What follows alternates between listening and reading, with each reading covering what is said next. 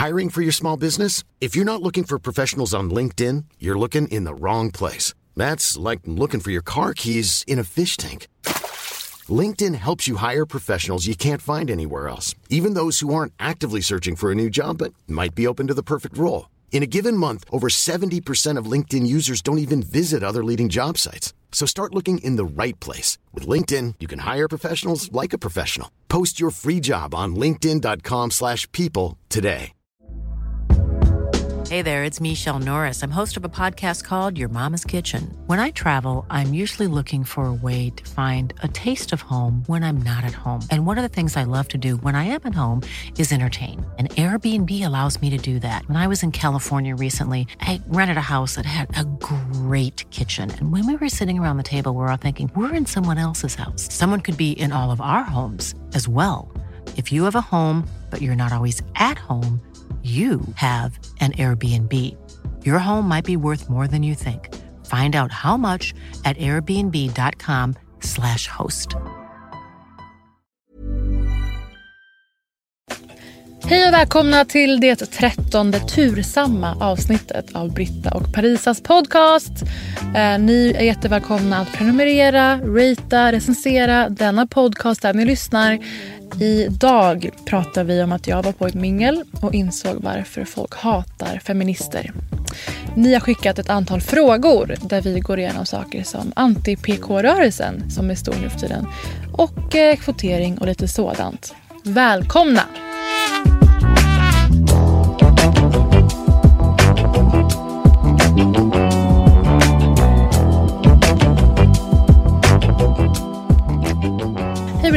Hej Parisa. Jag var på ett event för ett tag sedan. Mm. Och du vet ju hur det är. Det är väldigt eh, härliga korta samtal med bekanta och icke bekanta. Mingel. Proffset Mingel Parisa har värvat omkring, höll på att Det vet jag inte om jag är någon proffs på. Men jag var i alla fall där och eh, det är oftast företag som har olika små sammankomster och liksom ger något, någon fin gåva av någon anledning. Mm. Eh, I, I detta fall så skulle man få brodera in någonting på olika eh, klädesplagg, säg mössa eller morgonrock eller någonting och få ta med som present till någon. Just det. Just det. det. Får jag bara flika in? Mm. Det gillar man ju generellt. Jag tycker det är ganska härligt med personalized. Jättemysigt. Jag gjorde en jacka någon, någon gång som eh, jag broderade in You can sit with us på. Hade på mig den några gånger ibland. Men i det här fallet så skulle jag direkt efter åka och ta emot min nyfödda brorsson. Rakt över JJ, eller? Rakt ur var JJ, medels kejsarsnitt, Mm, okay. eh, in i min famn. Så jag vet om att min svägerska som jag älskar väldigt mycket och som har varit i vår familj i tio år, som är som en syster till mig. Att hon har haft en jobbig graviditet och idag ska då hon förlösas. Och är väldigt, väldigt glad för detta. Hon har velat ha barn länge. De har velat ha barn. Mm. Eh, och det är ju skönt att slippa vara gravid i det skedet. Mm. Det vet ju du. Eh, Så jag ska precis åka dit bort. Jag är bara där liksom snabbt och hojtar på folk och ska vidare. Eh, Jag rör mig mot broderingsmaskinen. Hälsar på ett par personer. Hej, är det bra? Vad kul att se er. Ehm, Jag ska brodera in någonting som ska vara en present till henne. Som hon kan ha på BB, tänkte jag. Där och då. Så jag eh, broderar in en sak på en morgonrock Ja. och eh, ska precis gå mot dörren och åka, eh, åka till Danderyds sjukhus ja. och ta emot min nya familjemedlem. Då eh, en person eh, kommer, kommer fram och säger så här, vad broderade du in? Typ, vad blev det till slut? Och så visar jag då den här morgonrocken. Eh, och det här är en person som jag har hälsat på för första gången, typ 20 minuter innan. Första Okej. gången i mitt liv. Ja. Eh, och den här personen berättar jag för då att jag har skrivit eh, Dantes mamma på Mm. morgonrocken. Barnet ska heta Dante. ja. Den här personen svarar, lite, lägger huvudet på sned lite grann och rynkar pannan och säger men hon är ju inte bara, bara Dantes mamma. Nej men, okej. Alla jag har berättat det här för, jag har dragit mig för att berätta det här för folk. Och det ska vi prata om tror jag. Att man, man drar sig för att berätta om att folk gör så här. Ja. Alla har reagerat med så här, ja, men antingen skratt som du eller en suck. ja. Vad känner du? Berätta varför du skrattar. Nej men, och, alltså först och främst att den personen vet då på något sätt bättre än dig vad din långvariga relation med din brorsas, alltså typ din svägerska kan vi säga. Eh, vad som passar sig och inte i er relation. Jag först kände när du sa att du skulle brodera Dantes mamma, eller att du hade broderat Dantes mamma, jag blev typ tårögd. Alltså därför att det, för mig var det jättestort att få bli någons mamma till slut. Liksom. Ska jag börja gråta själv? Ja, det var du är så rörd av din egen jag, present. jag rörde mig själv till tårar. Ja, nej men, nej men så för, för det första så känner jag det, rördhet. Och sen så kommer någon jävel och ska tycka något om det. Som du dessutom, dessutom har känt i 20 minuter. Alltså en person som inte känner dig överhuvudtaget. jag, Och sen, förlåt, nummer fyra. Så är det så här, det där att lyfta liksom så här, är någon bara någons mamma och så vidare. För det, i alla andra sammanhang kanske finns en rimlighet i att diskutera.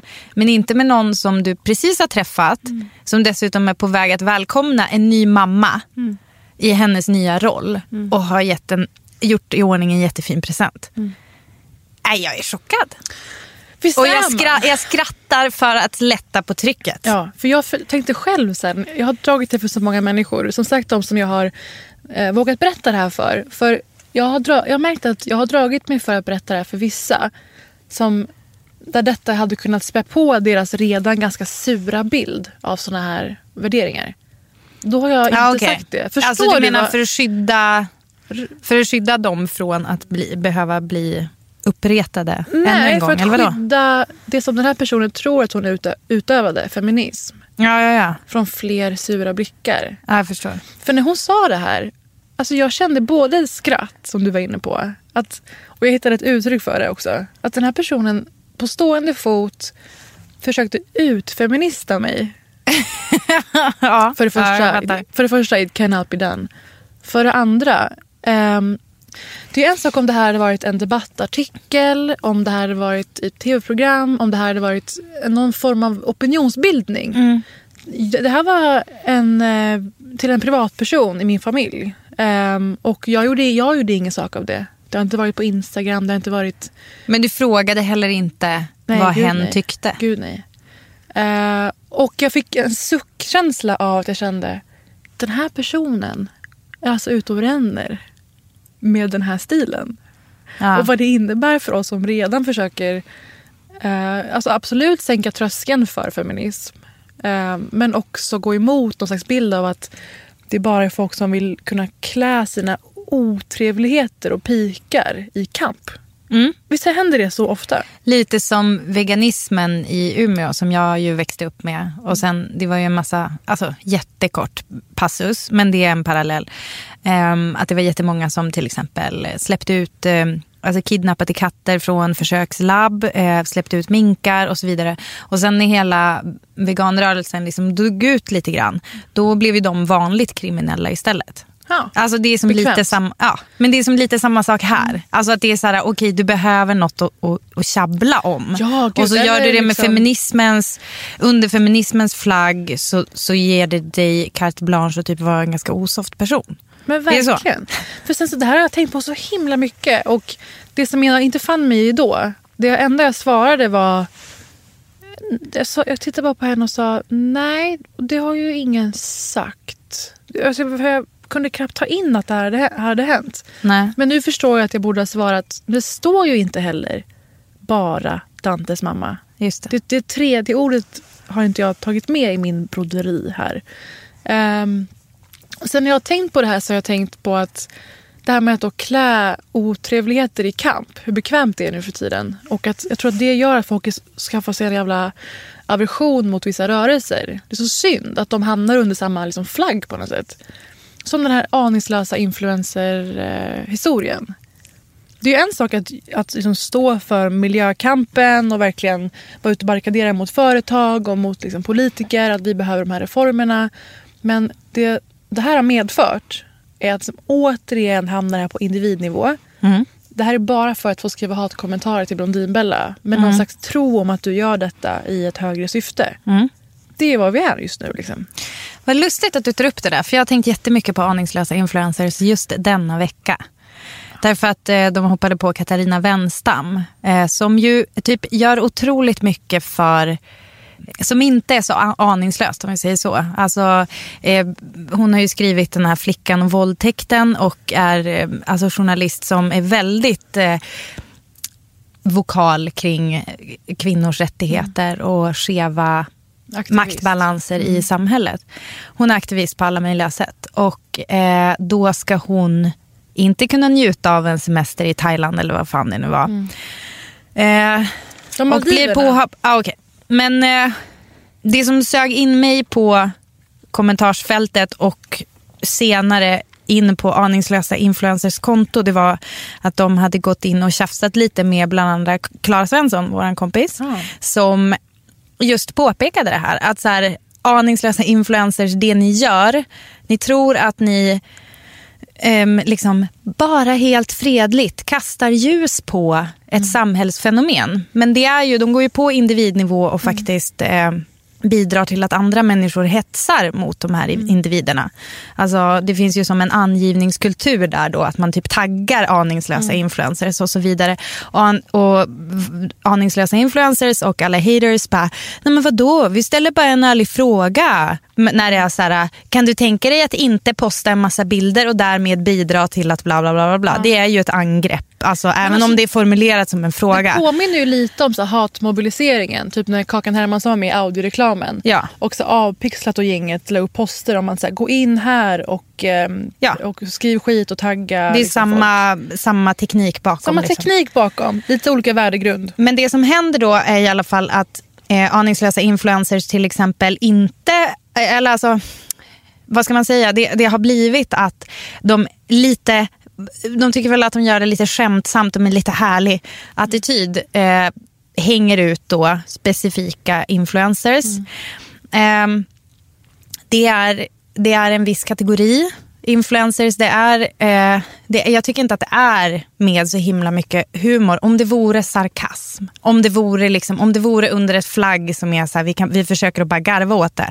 Men det är liksom med en, en eh, jävligt så här, eh, ogin eh, stil. Och framförallt att man kommer ju inte åt, du kommer ju inte åt liksom beslutsfattare på det här sättet. Du kommer ju inte åt eh, liksom mekanismen bakom. Utan det som du gör är att du går på folk i sista ledet, som i många fall är kvinnor då, som på Instagram blir påhoppade för ganska mycket annat. Och nu ska vi även, liksom, eller vi, jag har inte blivit påhoppad men det är väl en tidsfråga, bli liksom påhoppade för typ resande. Och jag hör heller inte någon som säger att det är, alltså, det är så här, resor är absolut ett problem. Här är ja, det här är kanske ett sidospår.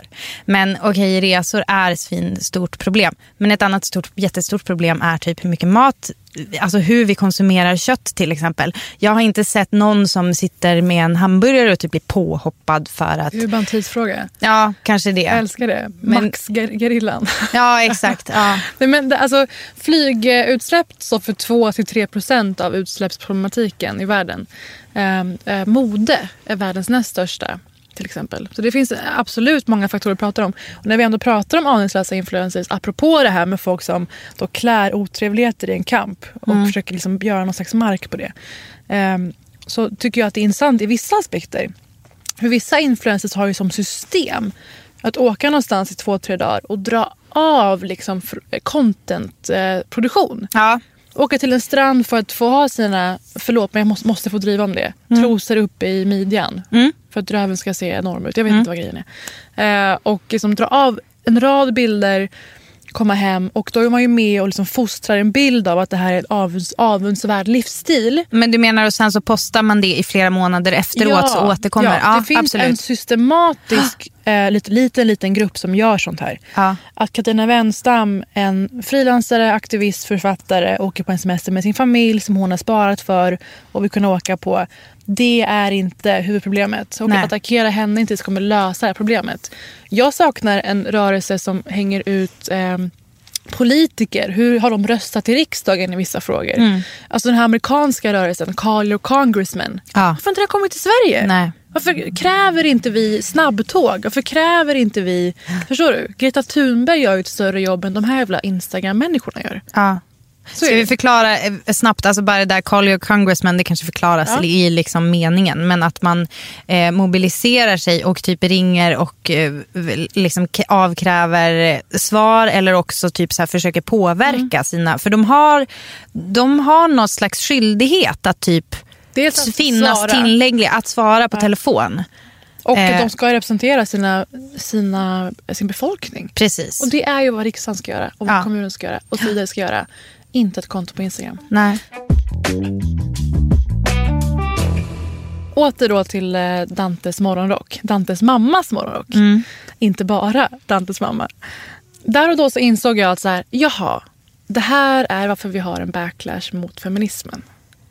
Och bara, åh, suck, djup, djup suck. Och jag tror att det problemet vi står inför där är eh, enormt. För jag tror att många drar sig för att kalla sig själva feminister idag. Inte bara partiledare som vill börja dra sig med att kalla sig humanister. Eller att de tror på jämställdhet, absolut. Men inte att de vill kalla sig feminister. Det är en superförlust tycker jag. Att så många vill gå det ärendet. Och inför den här veckan så bad vi er skicka in frågor. Och jag har faktiskt en som går lite hand i hand med den här. Som jag tänkte läsa upp så kan vi försöka svara på den. Spännande. Eller? Ja. En fråga! Rebecka skriver. Hade varit superintressant om ni skulle vilja lufta några tankar om post-PK-attityden som jag tycker mig märka av i poddar, på Instagram och så vidare. Det kanske är en ganska begränsad grupp inom mediestockholm som jag identifierat den här post-PK-attityden hos. Men kan inte ni prata om det och vad det kan ha för effekt framåt? Puss och trevlig helg. Och hon fortsätter. Hon nämner tre gemensamma nämnare. ja, men det är bra för att jag kände typ att det hade varit skönt om hon hade utvecklat jag vad hon här, menar med det. Jag frågade liksom. så här, jag förstår vad du menar, men vad, Ja. vad menar du? Då sa hon så här, ett, privilegiefaktorn har medvetet strukits och anses nästan ointressant för diskussionen. Två, post-PK-attityden maskeras som en inom citationstecken nyanserad bild av vad som diskuteras och anses då vara mer realistisk. Och PK stelbent, alla skyll allt på alla män. Tre, den här gruppen tycker att PK är mainstream och därför ointressant och då koketterar man med att vara det. Alltså hon har ju nailat det ganska hårt redan kan man säga. Känner du igen den här post-PK-attityden? Ja, alltså jag vet inte om det här helt hör hemma här, men jag tänker testa. För att jag, jag nu i mitt huvud så drar jag paralleller till eh, någonting som dyker upp ganska ofta när man pratar om mödraskap. Nämligen att vi landar aldrig, vi har liksom inte riktigt landat i det som då är eh, liksom PK innan man ska gå vidare och säga att man inte får shamea någon som inte vill vara. Om vi skiter i PK, men liksom, om vi säger som, som med amning så är det så här väldigt eh, mycket som det pratas om nu är att det är okej att inte amma. Fast vi har ett sjunkande, ehm, en sjunkande siffror på hur många som faktiskt ammar. Så vi har liksom aldrig riktigt landat i att det, det vi borde sträva efter är typ att amma. Utan det vi istället blir så här, åh, typ, det är så himla många bojor kring kvinnorollen och de som inte kan amma måste också få finnas. Absolut. Och så görs det så här seriestrippar med typ att mat och närhet är en som ammar och mat och närhet är en som sitter med flaska och, och matar. Och absolut, båda räknas. Men det är som att vi, det är som att det nästan blir då att vi pratar mer om hur okej det är med flaskmatning. Och att vi aldrig landar Mot- i amning. På samma sätt som det ska vara okej att välja kejsarsnitt. Absolut ska det vara det. Är du fruktansvärt rädd för att föda så ska du absolut få göra ett kejsarsnitt. Men Eller i mitt fall tycker jag att det känns mer bekvämt. Jag Ja. får, jag får välja kring min kropp. Ja jag men göra. precis. Ja. Men har vi någonsin landat riktigt i att vi först och främst behöver ha en säker förlossningsvård så att fler känner sig okej med att föda. Alltså, det är där, där känner jag, är det här överhuvudtaget på det eller har jag ett för långt Alltså, jag sidospår? förstår Eh, För- vad du menar i grunden, att man inte har kommit överens om en, om en grundläggande... Alltså man har inte löst problemet at hand. Ja, innan direkt. man hoppar vidare. Hoppar direkt till, vidare. Det måste få vara okej att göra tvärtom. Men det, det, är en pubertal motrörelse. Jag, Ja. jag vill sum, summera det här som en pubertal motrörelse. Och alla stora rörelser har pubertala motrörelser. Det sjukaste med den här är att feminismen är inte mainstream. Nej, det, nej, det har den aldrig varit. Kvinnor, flickor, eh, vär- värderingar som är anti-auktoritära är inte mainstream. I Europa just nu så är 50 procent av ledande eh, styrande partier nationalistiska. Alltså inte bara eh, långt ut höger, nationalistiska. Eh, den här bilden är så fruktansvärt problematisk och korkad. Nu säger jag det rakt ut. Eh, Bilden tror- av att feminism är mainstream. Ja, och landar och ligger, det enda som ligger till grund i det är kvinnohat. Ja. Män, män som hatar kvinnor, kvinnor som har internaliserat detta och hatar andra kvinnor. Och jag har kollat på en ny K-special i veckan som jag tänkte ska hjälpa oss att svara på de här frågorna. Aha. Den här äh, Blott Sverige svenska komediener har. Har du hört om den? Nej, det har jag faktiskt inte. Alltså jättefin K-special som hade premiär den här veckan i och med att det är kvinnodagen. Ehm, och eh, komikern Nishti Stärk tar oss med på en resa genom den svenska komedianens historia. Från Julia Caesar till Clara Henry, från Hjördis Pettersson till Gina Dirawi. Och då redogör den för allt som ingår i att vara en kvinna och att vara en offentlig kvinna. Den lyckas med det totala alltså lapptäcket på ett otroligt sätt. För att alla är med i så olika generationer, har så olika inriktningar och bakgrunder så blir det så. Och det berättar framförallt en historia om Sverige. Att kvinnor är kroppar, kvinnor är utfyllnader och kryckor för mäns eh, existenser. I det här fallet är det mäns skämt som vi är kryckor för. Så genom den här liksom, om svenska kvinnliga komiker så finns det så mycket att förklara. Och just det här då med eh, anti-PK-samhället så finns det en parallell som jag tyckte var jätteintressant. Jag ska spela upp där så kan vi förklara mer sen. Jag tänker lite att så här, patriarkatet är lite som att gå i ett jätteimmigt rum där det är massa möbler.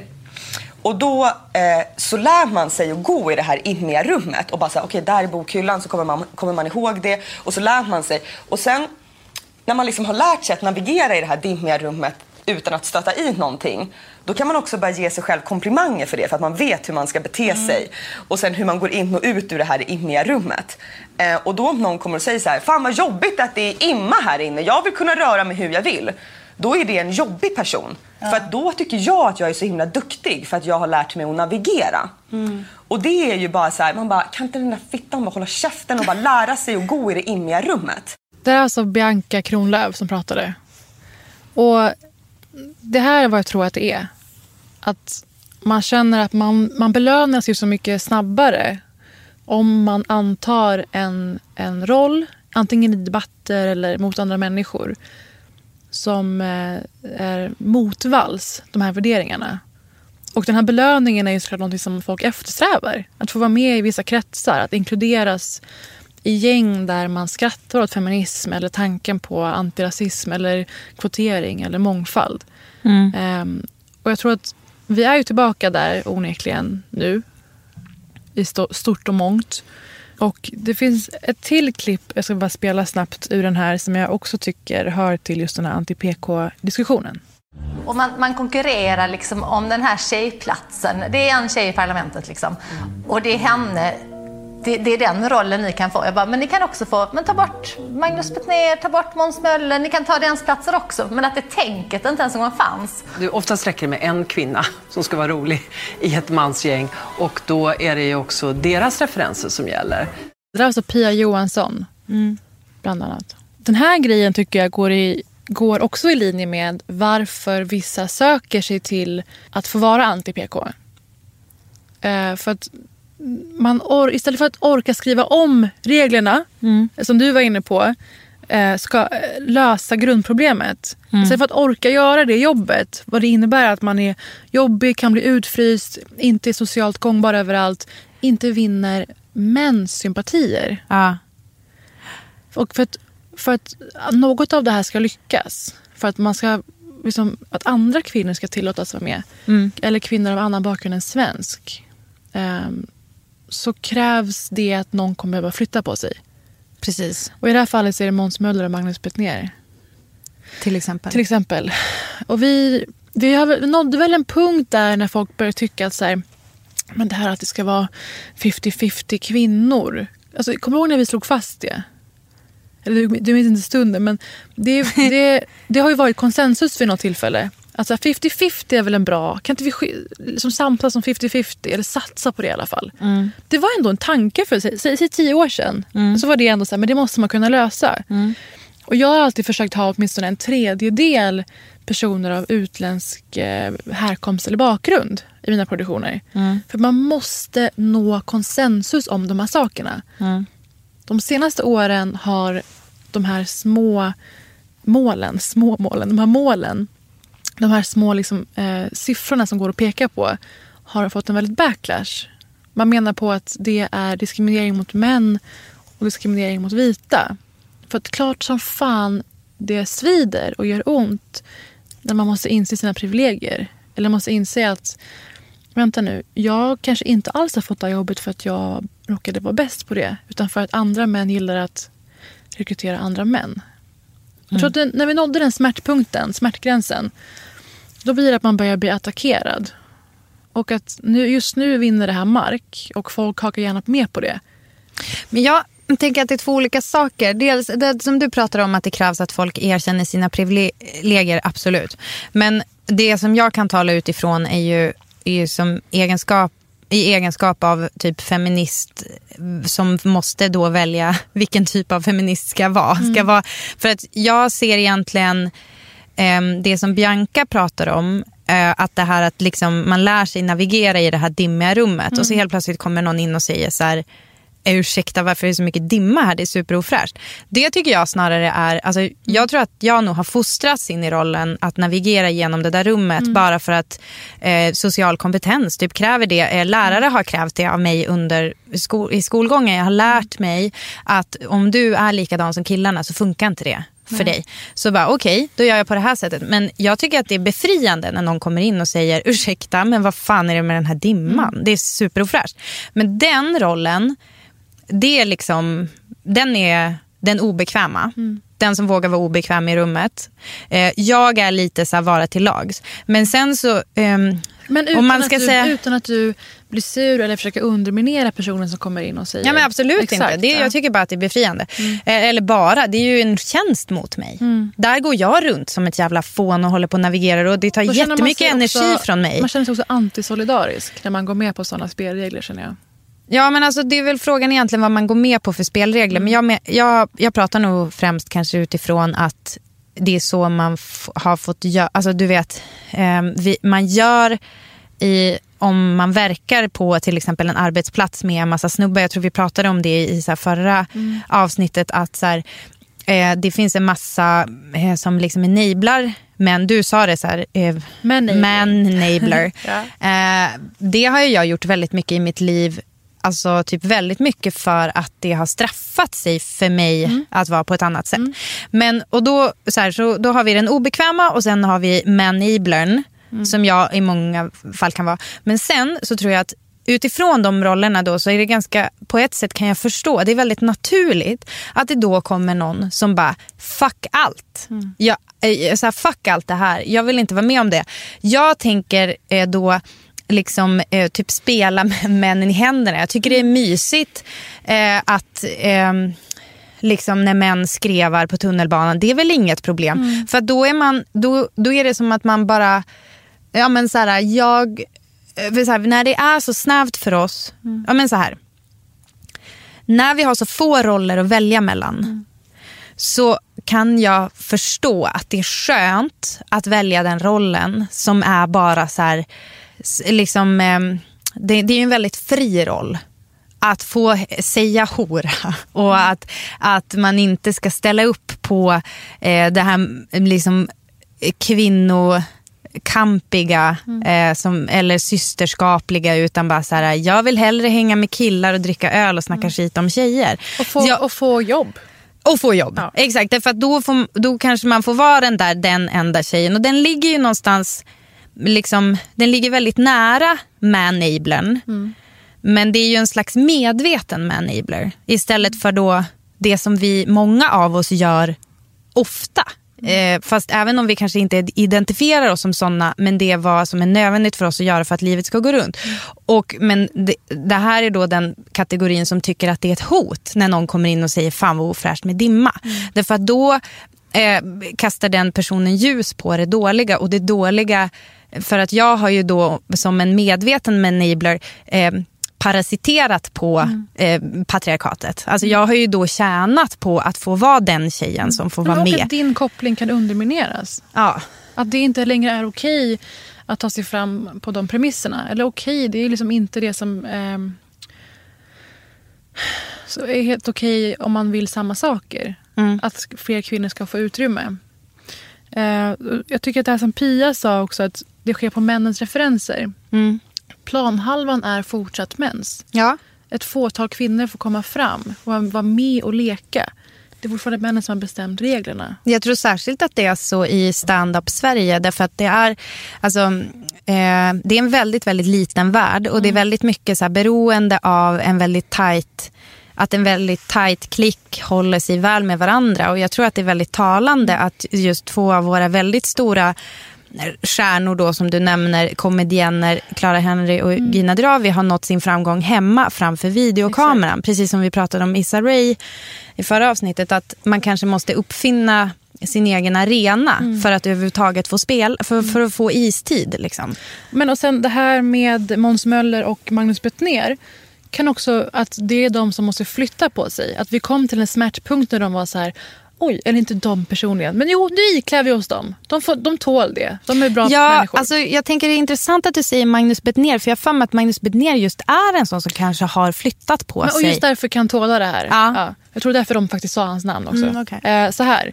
Ehm, att säga att Magnus Bettner och Måns Möller istället är två framgångsrika vita kvinnor. Mm. Eh, det nås en smärtpunkt där man är så men vi har haft med den här liksom halvpersiska tjejen eller vad- annat det kan vara, halvgambianska tjejen. Och hon är ju rolig, hon tillför ju liksom något annat. Åh, spännande, spännande när hon är med. Eh, men sen är det liksom snack om att hon ska bli anställd här. Ja, men jag vill ju ha min, min liksom tjejkompis Lisa i Hornstull skulle få komma egentligen. Förstår du? När- det börjar bli svårt. När det går från spännande och kul till aha, oj, inser jag att jag måste tänka ett varv till än bortom min omedelbara vänskapskrets. Vem vi rekryterar till nästa position här. Eller, för, förstår du? Det börjar ställas krav bortom att det kommer in enstaka, förlåt nu, ru- russin i kakan som livar upp och ger lite krydda. Och det, där tror jag att det här anti-PK1 har uppstått. Det enda sorgliga är att det har fått mark. Att folk istället för att um, inse sina privilegier att med ett lättuttalat svenskt namn och svenskt utseende så får du lättare positioner och kommer in i såna här eh, klickar. Vare sig du är ekonom eller du är Pia Johansson. Och jag pratar alltså inte om humorvärlden, det hoppas jag att folk förstår. Utan jag pratar om vad de här människorna målar upp för scenarion. Eh, och det här med, som du skrev Rebecka om att privilegiefaktorn helt har räknats bort. För att det är mer bekvämt så. Det, och om folk kan slippa behöva ha det i åtanke och behöva vara självrannsakande och flytta på sig. Då är det skönare. Det är det enda anti-PK består i. Det finns ingen teori ni kan slänga på oss. Det finns ingen Jordan Peterson fucking föreläsning på Youtube som kommer ändra den frågan i sig. Nej, men varför jag också tror att anti-PK har fått sånt fäste nu är för att vi är i en tidsanda där det har blivit svårt att vara schysst. Ja. För att det kommer med så många krav. Du, du får aldrig resa, Katarina Wenstam. Ehm, du får aldrig verka som att du propsar på amning någonstans. Om Nej. du gör det så fine, men propsa inte på det någon. Ehm, och såklart, om du ska ge din svägerska en morgonrock då ska du fan tänka på vad det står på den. Men det måste kan- stå alla bli- hennes olika roller. då kan ska du bli stå med. utskälld annars på en fest.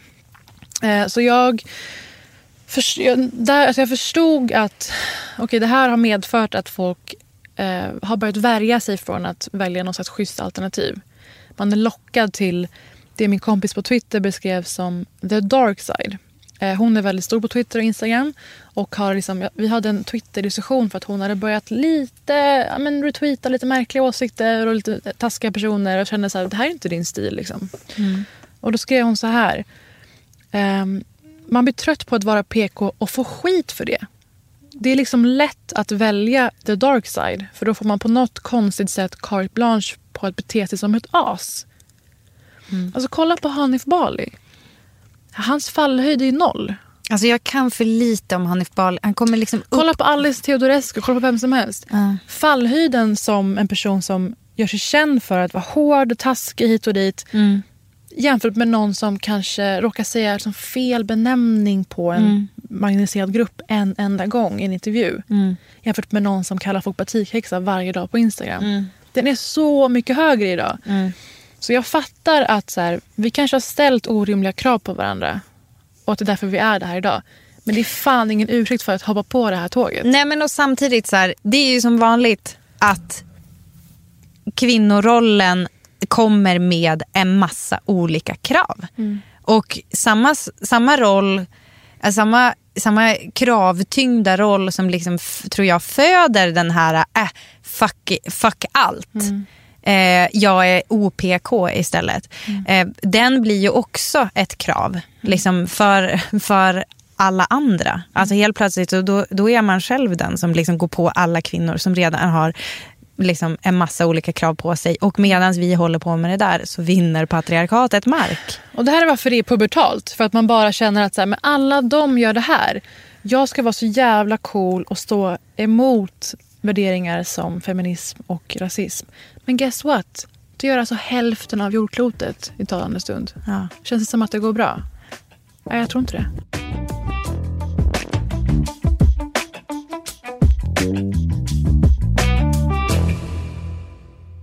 Ny fråga! Hej, skriver Julia. Jag lyssnade på er podd och hörde att ni ville ha frågor till kvinnodagen. Kan ni diskutera kvinnlig representation? Det kan handla om alla positioner i samhället men kan en kvinna representera andra kvinnor? Inom politik, tror ni att en kvinnlig statsminister kommer jobba mer för kvinnors intressen än en man? Vad är så kallade kvinnliga intressen? Så här, kort, kort sagt, vad spelar könskvotering för roll i detta och anser ni att det är behövligt? I så fall varför? Vi nämnde det i- för några avsnitt sen att till exempel i humor, och vi var ju också inne på det alldeles nyss. När det gäller humor till exempel så det är ganska otacksamt att vara den enda kvinnan i rummet därför att då får man bära alla kvinnor. Om det är två olika kvinnor och kanske till och med någonting så crazy som en kvinna med så här, annan bakgrund än genomsvensk då får, man, då får man mer nyanser. Och jag tror att ju mer vi ägnar oss åt kv- kvotering, och det gäller ju inte bara då manligt och kvinnligt, utan också att vi får personer från olika socioekonomisk bakgrund, olika eh, liksom, eh, ursprung, så får vi en mer nyanserad bild. Och om det nu är så att vi ska skriva en tv-serie eller om vi ska bestämma hur kommunen ska sköta snöröjningen så är det ju, det hjälper ju till med om inte alla tar sig till jobbet på samma sätt, nämligen en och en i varsin Volvo XC60. Utan att vi har liksom, någon cyklar och någon löptränar till jobbet. Alltså, det säger ju sig självt, ju mer olika vi är, ju fler ju mer representation vi har av alla olika, desto bättre tänker jag att det blir om vi vill att samhället ska vara till för alla. Det är en poäng. Eh, och jag tror ju också att det normaliserar med den personens närvaro. Åter då till den här dokumentären Blott Sverige, svenska komedianer har, K-special på SVT Play. Eh, så pratar man om att alltid vara den ensamma kvinnan i gruppen. Och det ställer ju såna fruktansvärda krav på att representera. Ja. För du representerar hela Alla. kvinnomänskligheten. Och för att återkomma till den här frågan då, eh, skulle en kvinnlig statsminister jobba mer liksom för typiska kvinnosaker, vad det nu är, så skulle jag nog säga att svaret är nog nej på den. Därför att jag tror att det är jättesvårt att som kvinna i den positionen, eh, alltså jag tror att man skulle bli otroligt påhoppad om det första man gör är liksom att driva igenom x antal liksom feministiska Mm. eh, incitament. Eller liksom, eh, inte vet jag, lagändringar. Mm. Alltså, jag tror att det är en fruktansvärt otacksam roll. Mm. Och jag tror, nej, jag, jag tror att det är bättre då med typ en, en eh, feministisk man på den posten. Om vi vill ha, nej men alltså om vi vill ha om det vi vill ha är liksom, om vi vill ha igenom en feministisk agenda typ. Därför att jag tror att det ska, jag tror att det, det Mm. För att män, folk Nej, men- lyssnar mer på män. Nej, men jag tror att en man har lättare för att driva en kvinnofråga än en kvinna har. Alltså det är absolut sant. Och så här, det här är också samma grej. Att då ska det vara en kvinna i det här mansgänget eh, gänget poli- som politik är. Mm. Man vill ju med varje rekrytering att det ska öka överallt. Att pressen ska minska på... Men återigen inom komedi, så här, ah, den här tjejen var inte rolig just den här kvällen på scen. Då är inga kvinnor roliga. Nej. Det blir ju konsensus då. Ja. Det är ju en klassiker. Ja. Eh, och jag tror att om jag då får vara den som drar upp eh, mångfaldsfrågan. När jag har varit runt och pratat om det, jobbade på en stor kanal i Sverige i många år. Vilken kan det vara? Nej, men så har jag fått gå runt och snacka på konferenser och sådär. Och sagt att alltså, att ha invandrarbakgrund till exempel. Det är inte nödvändigtvis en speciell kompetens eller agenda det betyder inte per automatik att jag alltid kommer dra upp såna ämnen. Att jag ens kommer kunna ett utländskt språk. Och vad är ens såna ämnen? Alltså det, Det det. det. blir ju som att du, då måste du också... Det kommer ju folk springandes när jag har jobbat där och frågat om allt från turkiska till arabiska till... Men det är en googling bort var min pappa kommer ifrån. Och det är Iran. Jag kan inte de här andra språken. Eh, frågade du någon annan på din redaktion innan du sprang hit? Om någon annan kunde Eller frågar du random vit om den kunde norska? Ja, Exakt. Eh, det är en Vilket jag kan, absolut. Tackar som frågar. Du ja.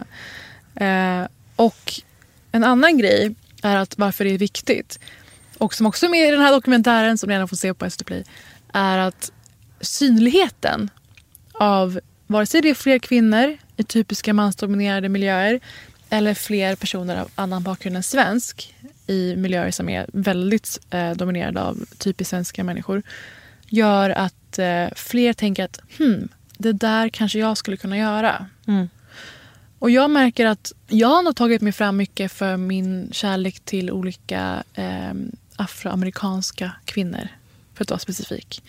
Eh, och att så här, personer som Oprah och Beyoncé var det närmaste jag kom till någon som såg ut som jag i offentligheten när jag var ung. Jag är fortfarande ung, men när jag var liten. Mm. Och den kraften är otrolig. Och, Så nu och förlåt om jag göra- bryter in, men det är ju också jag ganska göra detsamma. LOL. Ja. Mm. Alltså snacka om griper efter halmstrån efter representation i rutan. Därför att det är ju inte, det är ju inte helt som hand i handske att det är Nej. exakt... Men som nu då när jag har varit med i ett visst stort lekprogram på tv. Eh, det har ju inte varit enhälligt. Eh, alltså, kom- kommentarerna har inte bara älskat närvaron av någon som ser ut som jag. För när jag sitter där och det är så ovanligt med någon som ser ut som jag i tv. Den tiden, den dagen, fredag klockan åtta. Då blir det att det hänger så pass mycket på mig. Jag, hur jag gör ifrån mig kan, kan bidra till hur någon uppfattar personer som ser ut som jag. Ha. Hur jag håller upp dörren för någon på ICA som kanske är en äldre så kallad vit svensk kvinna. Jag tänker på det. Jag vill inte bidra till hennes kanske negativa uppfattning eller syn. När jag var med i morse sex på morgonen och pratade om Michael Jackson i tv ansträngde mig så mycket att tänka på uttal, distinktion och liknande. Att ingen ska kunna komma med någonting. Och den pressen är förödande. Därför behövs det fler olika på fler ställen. Det snackas också så himla mycket skit om män som blir feminister bara för att de får döttrar. Eh, vilket Tänker jag... du på någon speciell? Ja, men det är bara... eh, på, ett du sätt, lägg av till mig? på ett sätt så kan jag tycka att det är väl bättre sent än aldrig. Alltså ursäkta mig. Mm. Men liksom på, på, sam, för på samma sätt som kanske när man får en dotter och funderar över vad, vad växer hon upp i för värld och vad är det hon ser på tv? Vad finns Mm. det för roller? Jag strugglar som fan med att hit, ens hitta filmer vi kan titta på Mm. där det finns en eh, kvinnlig eh, liksom protagonist som inte är genomlökig. Alltså det är eh, så här, det är fan en, alltså det är en, en struggle att kunna, det här lilla, lilla ömtåliga ägget som man får eh, kunna bära det oskatt liksom, genom den här dimman då, för att använda Bianca Kronlöfs eh, liknelse. Eh, och eh, kanske inte att jag ens vill lära henne hur hon ska navigera.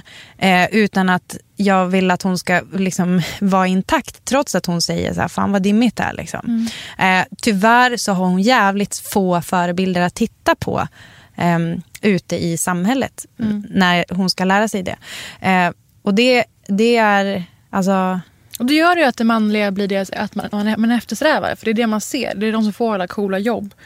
alltså if she can see it, she can be it. Punkt slut. Det borde ha varit det korta svaret på din fråga Julia. Men tack för att du var som king och skrev in den då. Jag skulle kunna prata om det här i en evighet. För det handlar inte om att rekrytera någon sämre. Det handlar om att rekrytera någon annan.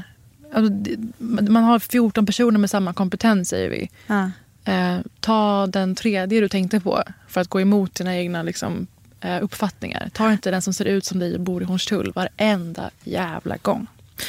Gloria Steinem Oj. i boken... Du, hon drar en Gloria Steinem. Ja, men alltså, jag har ju sagt det så många gånger nu att jag vill läsa upp alla mina, det är ändå kvinnodag. alltså mina 3000 fucking citat ur Gloria Steinems böcker. Och det fanns ett som passade just för den här kvoteringsfrågan som jag tyckte var, jag vill lämna er med en känsla av att vara rörda inför det här. Och inte så gud vad jobbigt. Att ni såna Ebba Busch människor känner så här, nej men vet du vad. Utan det här är vad det handlar om i grunden. I was angry about the human talent that was lost just because it was born into a female body. And the mediocrity that was rewarded because it was born into a male one.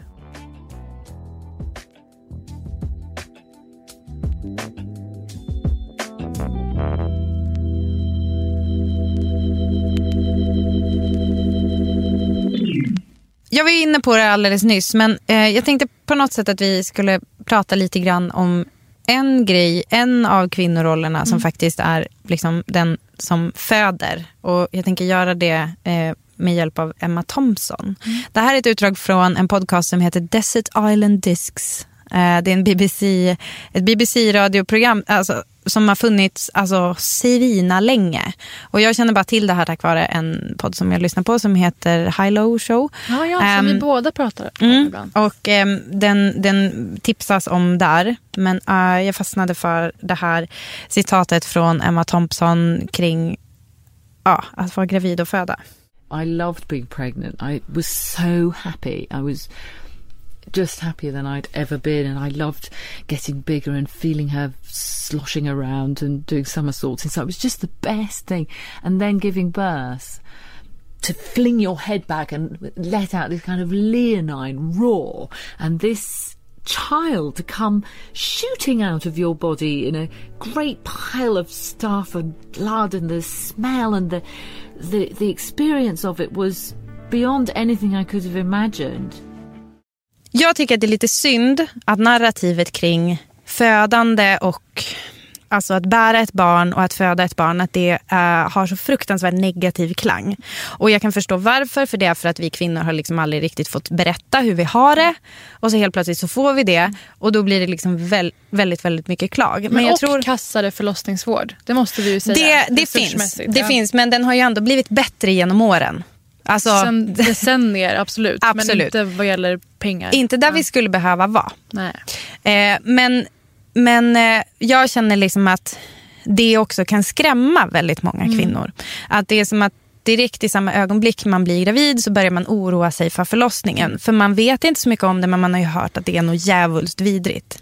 Eh, och samtidigt som jag har haft en väldigt, väldigt positiv upplevelse av både att vara gravid sen när illamåendet har slutat men fra, framförallt att föda. Och jag födde eh, utan smärtlindring. Och Det här är ju hade den en saken väldigt- vi är mest osams om. Ja. Och, Överlag, men- och jag hade en väldigt positiv upplevelse Mm. kring det. Och det är någonting som jag har pratat om i förlossningspoddar och som folk faktiskt eh, typ, jag får så här ett alltså, mail och liksom meddelanden på Instagram typ ganska ofta. Och det här nu alltså, det känns som att jag typ skryter om det. Men jag tänkte att det kanske kunde passa sig att jag på något sätt även för folk som inte har gjort det här eller liksom ens är på gång att göra det, att jag vill bara säga så här att det kan också vara super, super positivt. Och det var därför det var så kul att höra Emma Thompson, för det är typ den enda andra kvinna jag har hört säga att det var helt fantastiskt Men att genomgå en förlossning. För eller hur? För man får aldrig höra det. Absolut inte. Men du har alltså någon slags grundsteg som, som vem som helst kan göra eller tänka på. Ja. Let's hear it. Men vill du höra det? Alltså? Jag vill höra det här för att sen kunna dispute. Nej, jag ska inte vara Tricket så. är- Jag lyssnar nu. Tricket är så här, och det här kan man öva sig med om ehm, när man alltså till exempel har mensvärk. Alltså, för, alltså att försöka typ så här, eh, att andas bort. Åh herregud, nej nu går jag verkligen all in på flummet. Men det är ju alltså, det är en väldigt flummig upplevelse. Så det är så här, det är fyra andetag. När du får en värk. Första andetaget, då, är du liksom, då, då tänker jag att det är som ett berg. Okej. Och så tänker du att då är du på väg, då är du vid foten av berget. Du har berget framför dig. Men du går ändå upp. Andetag två, det är ganska jobbigt. Men du är också nästan uppe på toppen. För andetag tre, det är där du tar dig över toppen. Och på andetag fyra så bara blåser du ut och blåser bort verken. Och så gjorde jag i sju timmar. Och då blundade och gjorde det här i sju Jag, blu- jag blundade mig igenom min förlossning Okej. och födde Ja. och tyckte liksom inte att det var det vidrigaste jag har varit med om. Jag tyckte att det var ganska häftigt att få vara med om det där. Och jag kommer göra det igen. Väldigt snart. Och hela tiden så ska man komma ihåg att det inte är en farlig smärta. Mm. Därför att många gånger när vi har ont så tänker vi att vi måste bort från smärtan och vi måste fly från den. Det. Och det är därför den blir så jävla Men jobbig det kan jag jag. förstå. Jag som är en person som är väldigt rädd för förlossningar. För att jag jobbat på en avdelning för förlossningar när jag var 17. Och sett väldigt komplicerade... Vem lät dig göra det? ja, men fucking Stockholms kommun. Okej. Eh, jobbat inom vården. Halloj på alla som gör det. Eh, och sett folk som har fått väldigt mycket komplikationer, inte kunnat föda barn igen och sådär. Eh, och många vänner som har fått väldigt hemska eh, slitningar eller bristningar. Varför ska man ha ont om man inte behöver det idag med de liksom, hjälpmedel som finns? Ja, men alltså dels, dels är det ju så att en bebis ska ut. Och det är inte, alltså så här, det, kom, det kommer göra ont. Men det är inte en farlig smärta och det är det som är alltså, jätte, jättesvårt att förstå säkert om man är rädd och har sett hur illa det kan gå. Men rädslan bidrar ju också till att man spänner sig och det blir en obehaglig upplevelse. Absolut, ja. Så det är kanske lite det också. Jag vill att min present ska vara så här eh, att det kan gå jätte, jättebra och försöka att liksom fokusera på det. Sen så är det så här att man kan inte riktigt opt-out. Alltså om du istället väljer eh, kejsarsnitt, det är inte ett smärtfri, eh, det är inte en smärtfri väg. Därför att då har du ont i ditt operationssår jättelänge.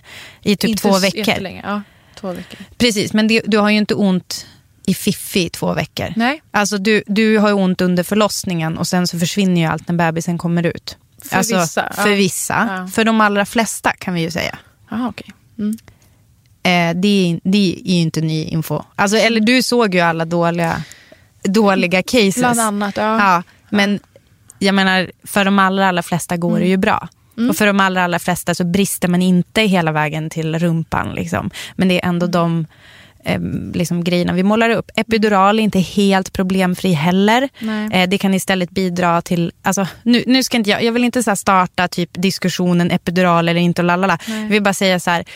Eh, jag, om jag kan säga vad jag har varit med om i min närmsta bekantskapskrets så har epidural bidragit till ett väldigt mycket utdraget skede som har gjort att man har fått slänga på verkstimulerande och epidural och verkstimulerande på varandra så här, i en neverending story. Liksom. Ehm, så att det är inte... Det finns egentligen ingen enkel väg ut. Det är Nej. väl det jag vill säga. Och framför allt så vill jag bara vill också understryka så här att i de allra, allra flesta fall så går det ju bra. Och att jag liksom kan känna att det är jävligt synd att det är så många kvinnor som går runt och är eh, rädda för det här som kanske också liksom späs på av att vi har lättare att ta del av varandras förlossningshistorier nu för tiden. Mm. Och då är det de som är de värsta som liksom Som vandrar ut. längst. Men det kan jag hålla med om. Det är säkert sant. Sen, de, de flesta jag har sett råkar ju vara såna. Och min mamma har ju också jobbat som barnmorska. Ja, okej. Ehm, så jag har ju den också. Och hon har ju förlöst sig själv. Alltså, men alltså, Herregud, förstår du? hon är ju jättebegåvad och så här, jätteduktig. Men jag vet ju ändå hur det kan gå när det går illa. Och jag är sån jävla anhängare av att folk ska få välja snitt om de vill det. Utan minsta lilla känsla av att man är en sämre föderska eller sämre mamma för det. Och Ja, att för det är ingen värdering. födsel. Liksom. Och det kanske jag ska vara tydlig med. Mm. Det finns ingen värdering här. Jag tycker att man eh, absolut ska få välja kejsarsnitt. Jag, så här, jag tycker att kvinnor ska få ha liksom, alla rättigheter Mm. till allting. Men jag vill, jag vill säga att man måste också få ha rättigheten att känna sig glad över att det gick bra. Men gud ja, vad fan, det är väl ingen som inte får det? Det tycker du? Okej. Tycker Mer om det i nästa veckas podcast. Ja, idag är det alltså kvinnodagen när det här släpps men jag tror att det här kommer hålla för evigt. För de här samtalen är ju eviga. Eh, och ni har en hel del att ägna er åt nu i form av vad vi har snackat om och tagit upp. Och några få tips. Och vi är tillbaka nästa vecka igen. Business as usual. Ja, men för, om vi ska avsluta nu, då skulle jag vilja dela med mig av en liten eh, pepplåt. Eftersom det är inte bara är kvinnodagen idag, utan det är fredag. Så får vara det det som följer oss ut i hela avsnittet. Och som- Äntligen! Och som will haunt you varenda fredag från och med nu. För det är en låt som jag får i hjärnan varje fredag. Och den är av och med våran favorit Amy Sedaris. Okej. Och det är en liten trudelutt som eh, bara är, eh, jag vill skicka med er Tack in i helgen. Och hej allihopa. It's Friday night. I'm gonna get drunk. I'm gonna get laid. I'm gonna be late on Monday. It's Friday night. I'm gonna get drunk. I'm gonna get laid. I'm gonna be late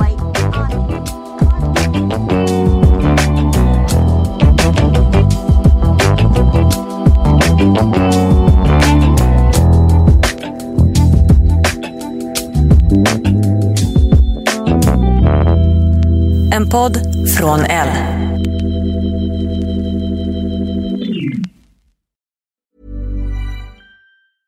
Even when we're on a budget, we still deserve nice things. Quince is a place to scoop up stunning high-end goods for 50 to 80% less than similar brands. They have buttery soft cashmere sweaters starting at $50, luxurious Italian leather bags, and so much more. Plus, Quince only works with factories that use safe, ethical, and responsible manufacturing. Get the high-end goods you'll love without the high price tag with Quince. Go to quince.com slash style for free shipping and 365-day returns.